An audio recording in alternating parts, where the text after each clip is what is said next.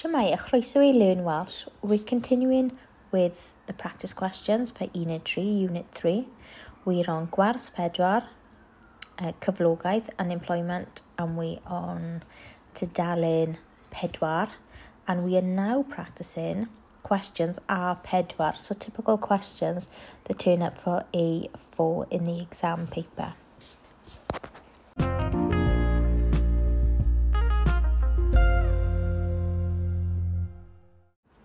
so let's look at the question. So mae tri ffrind wedi mynegu barn ac waith ar waith rhan amser. Dallenwch eu sylwadau yn ofalus. Three friends have expressed their opinion of part-time work. Read their comments carefully. Now this is with 12 marks. So let's scroll down for the types of information we are looking for before even wasting time on reading the three speech bubbles.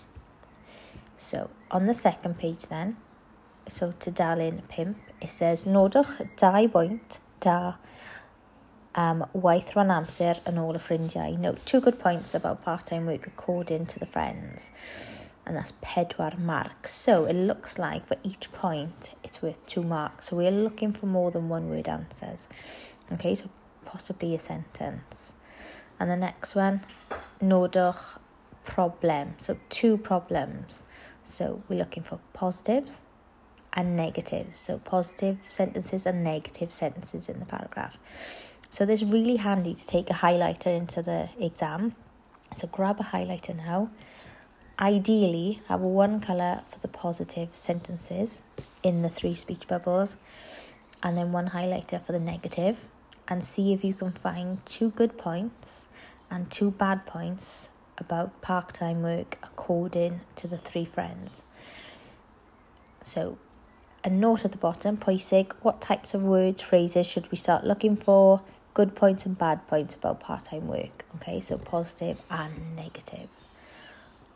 Pause the podcast and now see if you can find your answers. Pob.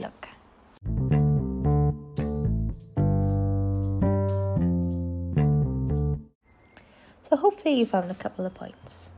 Um, let's go through Alan's speech bubble. Does dim amser gyda phobl ifanc weithio achos mae gwaith gwarth cartref gyda nhw. So, does dim amser. So, that's a negative.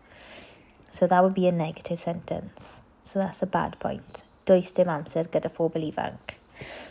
Next point. Fydd dim amser i ymlacio mwynhau bywyd os dwi'n mynd i ysgol ac wedyn gweithio trwy'r amser. So, that's a negative. Another negative sentence. So, fydd dim So he's expanding on saying why he doesn't have time. So we've got two points now that we have highlighted as bad points about part time work. Let's look at helydd.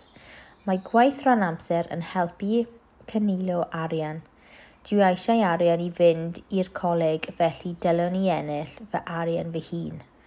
Okay? So that's a big positive, is all about saving money. Hefyd, dwi'n dysgu sgiliau gweithio mewn tîm gyda phobl gwahanol. That's another positive. Yn fy marn i, mae paratoi am y byd gwaith yn bwysig iawn, so she's just saying it's important. So you couldn't necessarily put that down as a point, but it does, possibly you could put it down. Let's look at Lloyd then. So they do like to have one that's totally negative, one that's totally positive, then a mix. So let's see what Lloyd is talking about. Mae genisoedd, so geni is another word for gyda fi. Mae genisoedd rhan amser mewn siop chwaraeon. Does dim llawer o amser gyda fi i weithio. So, a negative sentence. Dim ond ar yr penwythnos. So, I don't have a lot of time to work, only on the weekend. A fel arfer, rydw i'n flynedig bore dydd sadon. And usually I am tired, shattered um, Saturday morning. My shift i syl yn ddiflas achos mae'n dawel ond dim ots. So is morning shift, Sunday morning shift is boring because it's quiet but it doesn't bother him. Yn fy marn i, mae swydd rhywun amser yn syniad da. So straight away we know this is a positive achos bydd yn edrych yn dda ar y CV. So it looks good on the CV. Rydw i wedi gwneud llawer o ffrindiau newydd hefyd ac bydd yr arian yn helpu fi prynu car flwyddyn nesaf. So we've got two positives. So there's lots of positives that we can use. So we have negatives from Alan. So we've got two negatives from Alan. Then we've got two positives from Helen. Lloyd says he doesn't have much time on the weekend and he's tired, blinedig. And he says diflas as well, boring. But then after Anfamarni, we have two positives about his CV yn gwneud llawer o ffrindiau, so there's lots to choose from.